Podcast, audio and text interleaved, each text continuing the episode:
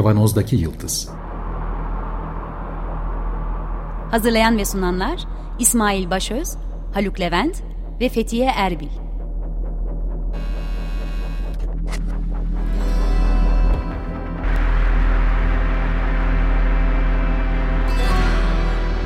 Bugünün penceresinden geleceğin ayak izleri.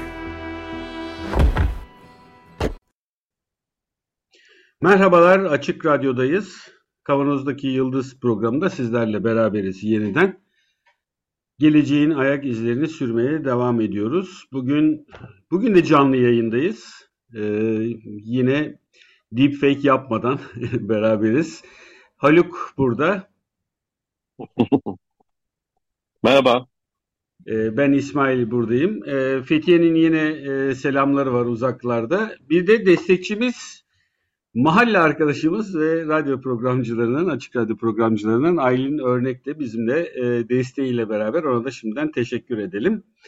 E, geçtiğimiz haftalarda başladığımız sohbete devam ediyoruz. Doğrusu e, bugünkü programımızın tanıtımı için e, sosyal medyaya şöyle bir cümle e, kullandık.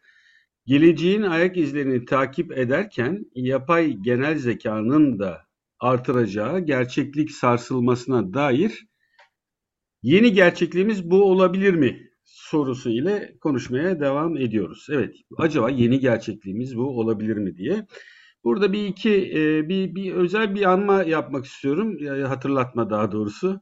E, Şubat 2021'de başladığımız sosyal medya serisinin Bence en lezzetli 3 bölümünü e, Doktor Levent Köye ile e, yapmıştık. Levent Köye'nin bir e, sevgili dostumuz Levent Köye'nin bir tanımı vardı. Sosyal medyanın yol açtığı durumlardan biri olarak oryantasyon sarsılması ismini e, adlandırmasını ya da kavramını kullanmıştı e, zamanla, mekanla ve diğer kişilerle ve diğer şeylerle olan oryantasyonumuzda sarsılmaya yol açtığını sosyal medyanın söylemişti. E, yapay genel zekanın da özellikle deepfake e,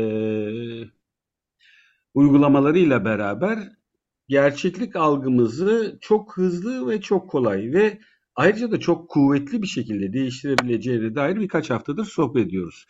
Burada gerçeklik sarsılması e, adlandırmasını e, Levent Köy'den e, alarak kullandık açıkçası. Fakat bu bir sarsılma mı olacak? Yoksa yine geçtiğimiz haftanın e, programının son kısmında söylediğimiz gibi yeni gerçekliğimiz bu mu olacak?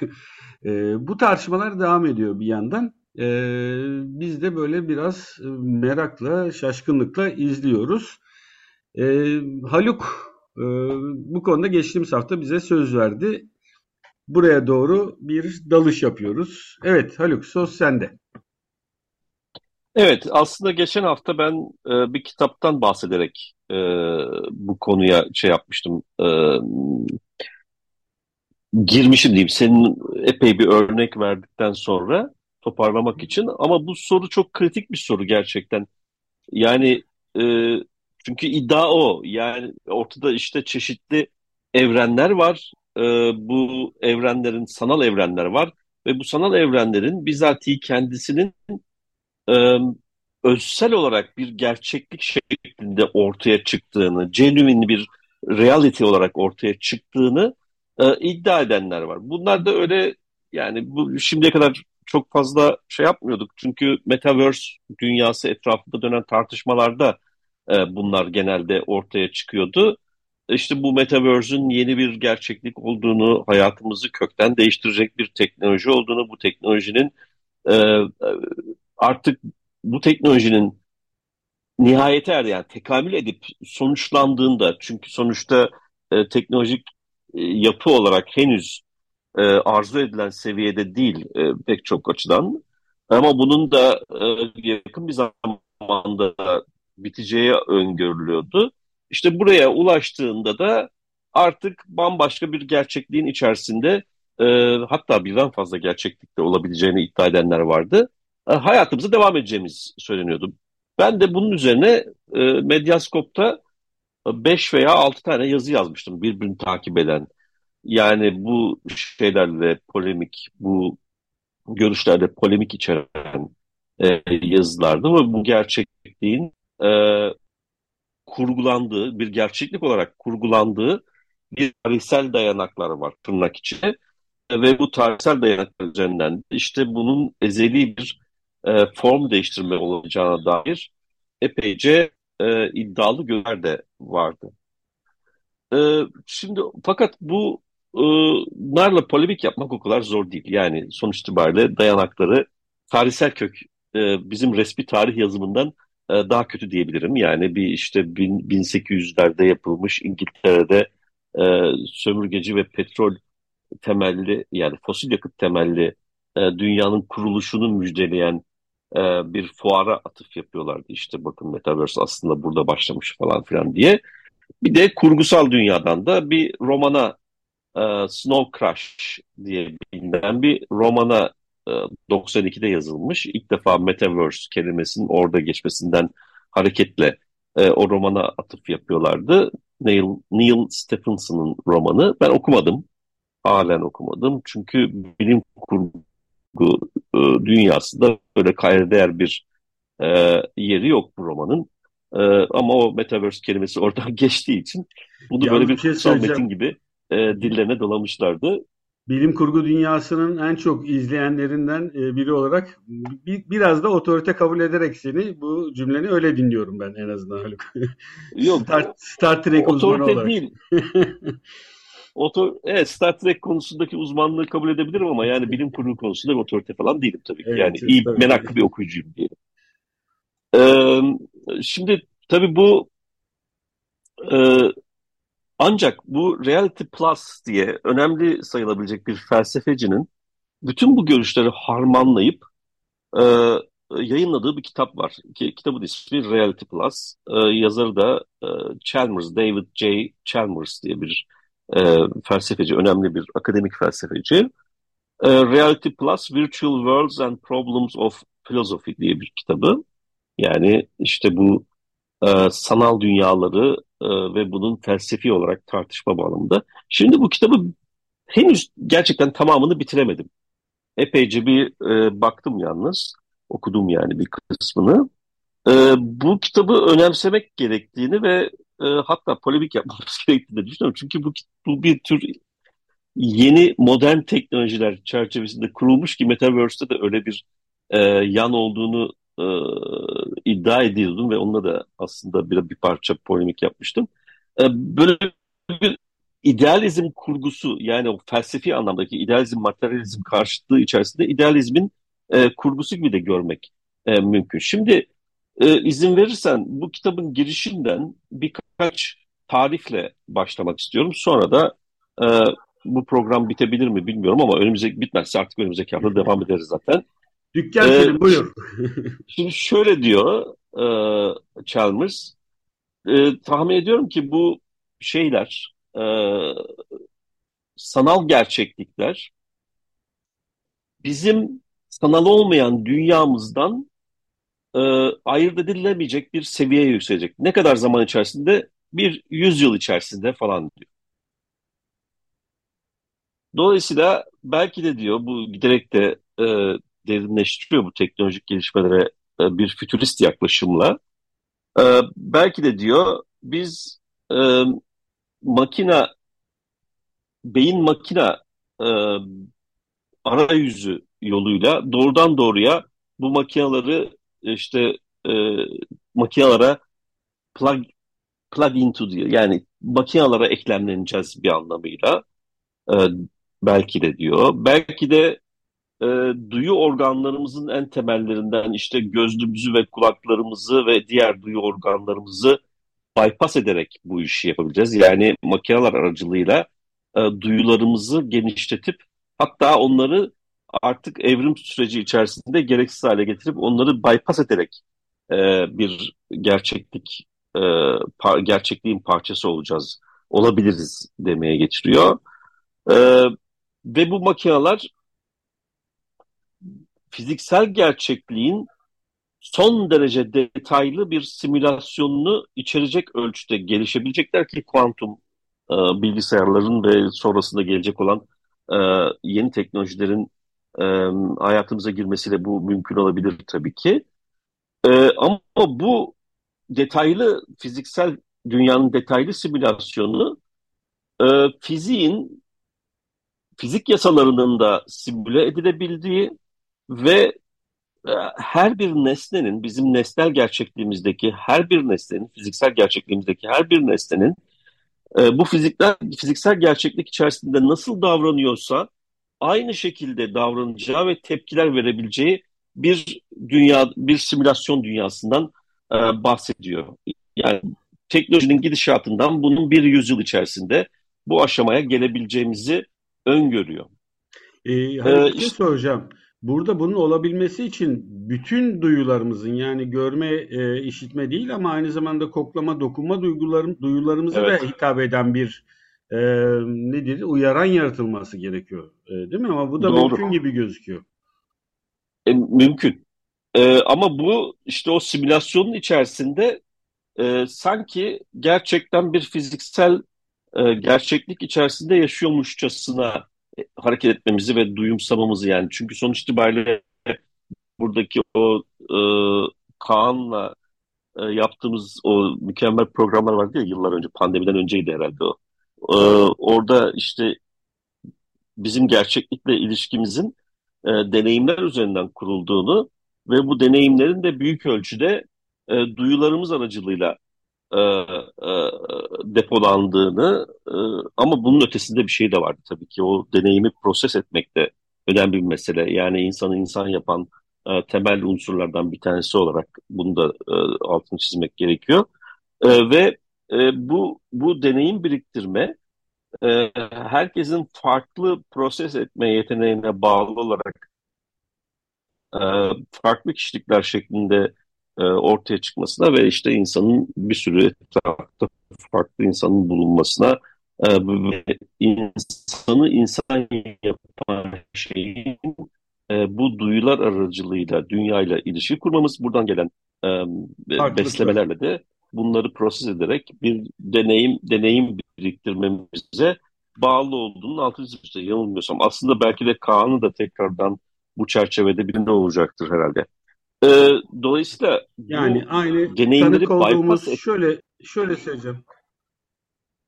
Hı hı. Şöyle söyleyeceğim yani tanık olduğumuz e, ve deneyimlediğimiz olayları da kurduğumuz ilişki hepimizin kendi e, işleme yeteneğindeki farklılıklarla geçmişten gelen işte onu algılama yeteneğimiz vesaire falan filan doğal olarak da bizim gerçekliğimizi de kişisel algımızla paralel olarak gerçekliğimizde değiştiği anlamına e, söylemişti. Ya da öyle konuşmuştuk. Evet yani e, işte o Merleau-Ponty'den falan gelen bir e, herhalde ekolü e, şey yaparak takip ederek e, bunları söylemişti. Sonra geçiyor girişte diyor ki işte bu öylesine büyük bir simülasyon olabilir ki ya da öylesine yetkin bir simülasyon olabilir ki bu Apple'ın e, son zamanlarda e, ilan ettiği gözlüğü falan da e, şey yaparak e, herhalde atıf yap, atıf demeyelim de öngörerek diyelim. E, işte Apple ismini vererek e, belki de işte onun e, gerçekçi reality system geliştirmekte olduğu bu yeni gerçeklik bazlı sanal gerçeklik bazlı sisteminde e, işte özel korumalarla e, yeni bir e, çalışma dünyası da yaratılabileceğinden bahsediyor. İş, işimizi artık orada yapabiliriz. Yani Metaverse'deki söylemi takip ediyor aslında. E, ama güncel gelişmelerle besleyerek. Ya da işte diyor NASA'nın e, bir uzay gemisi e, yaparak e, simülasyonu, uzay gemisi simülasyonu yaparak insanların e, ışık hızının üstünde çünkü sonuçta hani e, şu anki fiziksel e, bilgi birikimimiz çerçevesinde ışık hızının üstünde seyahat etme imkanımızın olmadığını e, biliyoruz. Yeni bir atılı şey farklılaşma olmadığı sürece Einstein'ın e, teorileri çerçevesinde bunu söyleyebiliyoruz. E, ama bu sanal gerçeklik dünyasında e, bu tür fiziksel dünyada sahip olduğumuz sınırlamalar da ortadan kalkacağı için pekala tabii ki ışık hızının üstünde seyahat edebileceğimiz bir uzay gemisi yapmak mümkün olacak. Dolayısıyla bunu altını özellikle çizmek gerekiyor herhalde. Bu fizik yeni yaratılan e, gerçekliğin e, bir tür sınırsız bir alem olduğunu yani insanı e, bu fiziksel dünyada mahkum olduğumuz bu fiziksel dünyada sınırlayan bütün e, duvarlardan kurtularak e, bunların ötesine geçebileceğimize dair büyük bir vaat de var aslında bu örnekle birlikte. E, ve işte diğer şeylerde dünyaları görebileceğimiz, oralardaki insanlarla e, ya da yaş yaşam formlarıyla buluşabileceğimiz, işte yine Metaverse'den fazlasıyla etkilenmiş olsa gerek ki e, sanal e, gayrimenkul geliştiricilerinin e, rekabet ettiği bir dünyada e, işte mükemmel hava koşullarının olduğu e, deniz kıyısındaki deniz, deniz kıyısında bir e, şahane apartmanda e, ve onun e, apartmanın bulunduğu e, çok çekici bir şehirde e, ve bu bütün bu çekiciliklerin de e, her müşterinin kendi kişisel talepleri çerçevesinde e, karşılanabileceği yani öyle bir e, şehir ve öyle bir e, dünya ya da fiziksel dünyanın e, taklidini sanal dünyada oluşturmanın mümkün olabileceğini, bunun da mükemmel bir şey olduğundan bahsediyor. Şimdi böyle böyle bir sürü örnek var. İşte bunun gerçeklikle olan ilişkisini de e, kuruyor aslında. İşte bu Ready Player One e, oyunundan falan. E, sonra bir noktada e, 10. chapter'a geldiğimizde e, şeye karşılaşıyoruz. Şimdi 10 chapter aslında yeni bir bölümün yani dahil olduğu bölümün e, e, başlığı şey e, gerçek sanal gerçeklik. Şimdi bütün kitabın aslında özü noktası buraya geliyor. Bunun öncesinde e, gerçek şey sanal gerçeklik dünyalarını e, tanıtıyor. Knowledge'la ilgili bil, bilinçlilik haliyle e, ilgili bilgi birikimiyle ilgili bir e, bölüm var gerçeklikle ilgili bir bölüm var. Bütün buralarda işte felsefi olarak e, şeyleri temel yapı taşlarını oluşturuyor. Ondan sonra e, bu gerçek sanal gerçeklik bölümü içerisinde 10. konu e, acaba bu sanal gerçeklik e, gerçekliği yaratabilir mi sorusunu soruyor. Bu bu tabii çok enteresan bir soru. Belki de en kritik soru bu. Ee, ve burada ilk paragrafta zaten e, beni temelde en çok rahatsız eden e, bu kitabın e, çerçevesi içerisinde en çok rahatsız olduğum e, göndermelerle karşılaşıyoruz. Zaten ee, şey çok enteresan. Yani yeni diskur gerekiyor Haluk. Yani sanal gerçeklik lafıyla gerçeklik tanımı yani ikisinde de gerçek lafı var ama hangisinden neyi kastettiğimiz havada kalıyor zaten Şimdi, bir yandan. E, evet, bu kitabı yazarken tabii e, Chalmers'ın e, temel öngörüsü şu. Bizim sanal gerçeklik olarak e, tanımladığımız şey esasında kendisi bir gerçekten bir gerçeklik olarak karşımıza çıkabilir diyor. Bütün iddiası buna dayanıyor zaten. Şimdi bu eğer felsefi temel olarak alacak olursak işte bu felsefi temelin üzerine o metaverse ideolojisini şunu bunu falan e, bina etmek çok kolay artık bundan sonrası için. Çünkü biz hep bu metaverse'çilerle falan polemiklerde e, e, bu tür bir felsefi zeminin olmayışından çok faydalanıyorduk. Ama şimdi bu kitabın iddiası aslında bu felsefi zemini e, yaratmak yani, yani bunu bilinç en azından ben böyle görüyorum. Bu işe de yarayabilecek bir şey e, zemin oluş, bir kitap oluşturmuş. Şimdi bu kitaba başlarken zaten bu bağı net olarak koyuyor aslında. E, 1992'deki yazdığı kitap The Snow Crash isimli kitabıyla Neil Stephenson e, tanımlamıştır ki diye başlıyor ve o Metaverse'ün e, tarihsel zemin e, çerçevesinde yeni tarih yazımı, Metaverse'ün yeni tarih yazımı çerçevesinde e, e, kullanılan kitaba gönderme yaparak e, bir Metaverse adıyla e, yeni bir gerçeklik yaratılabileceğinden bahsediyor.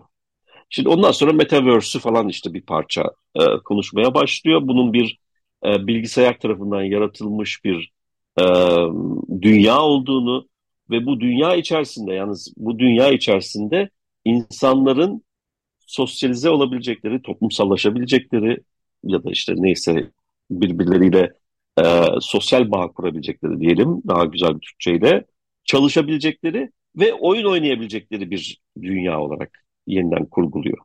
Buna şeyi de eklemek lazım. Bu sosyallik içerisinde gerçekten heyecan, korku, kaygı, öfke, mut, e, tırnak içinde mutluluk vesaire gibi duyguların da yaşanabildiğini düşünürsek e, gerçeklik diye tanımlanabilecek, e, tanımlama, tanımlanmasına yardımcı olabilecek diğer parametreler de işin içine girmiş oluyor. Yani diğer insana öfkelenmek, belki aşık olmak e, gibi günlük hayatımızda da var olan e, gerçek tırnak içinde duyguları da katabilecek yani bu süreç diye. E ama bu kitapta zaten Chalmers el yükseltti. Yani duyularımızın bütünüyle bu yeni sanal gerçeklik ya da gerçek olarak onun gerçek olarak e, kabul ettiği sanal gerçeklik içerisinde e, bizim duyularımızı da tıpkı fiziksel gerçekliğin e, nasıl söyleyelim ayırt edilemez sanal gerçekliği. Çünkü çok yüksek kapasiteli bir simülasyondan bahsediyor ya önümüzdeki bir yüzyıl içerisinde e, bunun gelebileceğini ve duyularımızı da bypass edebileceğimiz ölçüde yüksek bir teknolojiyle bu dünyaya dahil olduğumuzda e, zaten e, işte o e, fiziksel gerçeklikteki e, bireyin bütünleşmesinden bahsediyor aslında. Şimdi artı burada duygular, artı duygular e, dedim işte onlar da yaratıyor. E, tabii tabii. Daha ilerisi diyorum işte ben de. Duyguları Aha. bypass edebilecek ölçüde. Yani ha, duyguları duygular. da o sanal gerçeklik içerisinde e, bizatihi kendimizin e, deneyimleyebileceğini, kendi deneyimimizin bir parçası olarak orada da duyularımızı, bütün duyularımızı e, ve mükemmel bir performansla elbette e, ve kendi tercih ettiğimiz fiziksel formlar içerisinde bunu yapabileceğimizi e, e, söylüyor bir anlamıyla. Şimdi bunu bir de metaverse, metaverse şey metaverse'ü şeyle de Matrix'le de karşılaştırıyor tabii. E, metaverse'ü ile Matrix'i karşılaştırırken ama bu gerçekliğin halen bir e, çıkış kapısına sahip olduğunu anlıyoruz Metaverse dünyasında. Çünkü diyor ki Matrix e, ile çok önemli bir farkı vardır diyor Metaverse'ün. Matrix e, tamamen simüle edilmiş bir evren olarak e, insanların bütün hayatlarında burada geçirdikleri bir e, şey vardı. E, bir, bir, bir kavramsallaştırma olarak Matrix'i öyle tanımlıyor.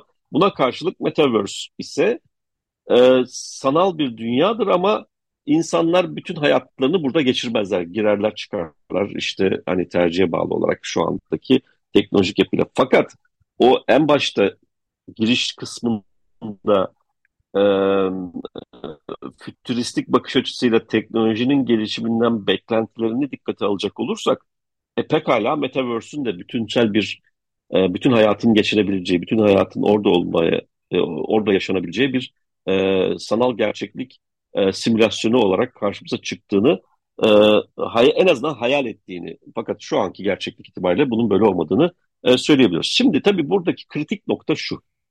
Ben e, programa bağlanmadan tekrar göz attım hatırlamak için ne yazmışım diye. E, medya Medyaskop yazılarında ilk başlarken e, Metaverse'ün işte bu aslında evet Metaverse'ün bu e, yapısını dikkate alarak bunun e, fütüristik bir fütüristik bir bakış açısı olarak çok eksik kaldığını, teknolojinin muhtemel gelişmelerinden de eksik bahsettiğinden e, söz etmişim.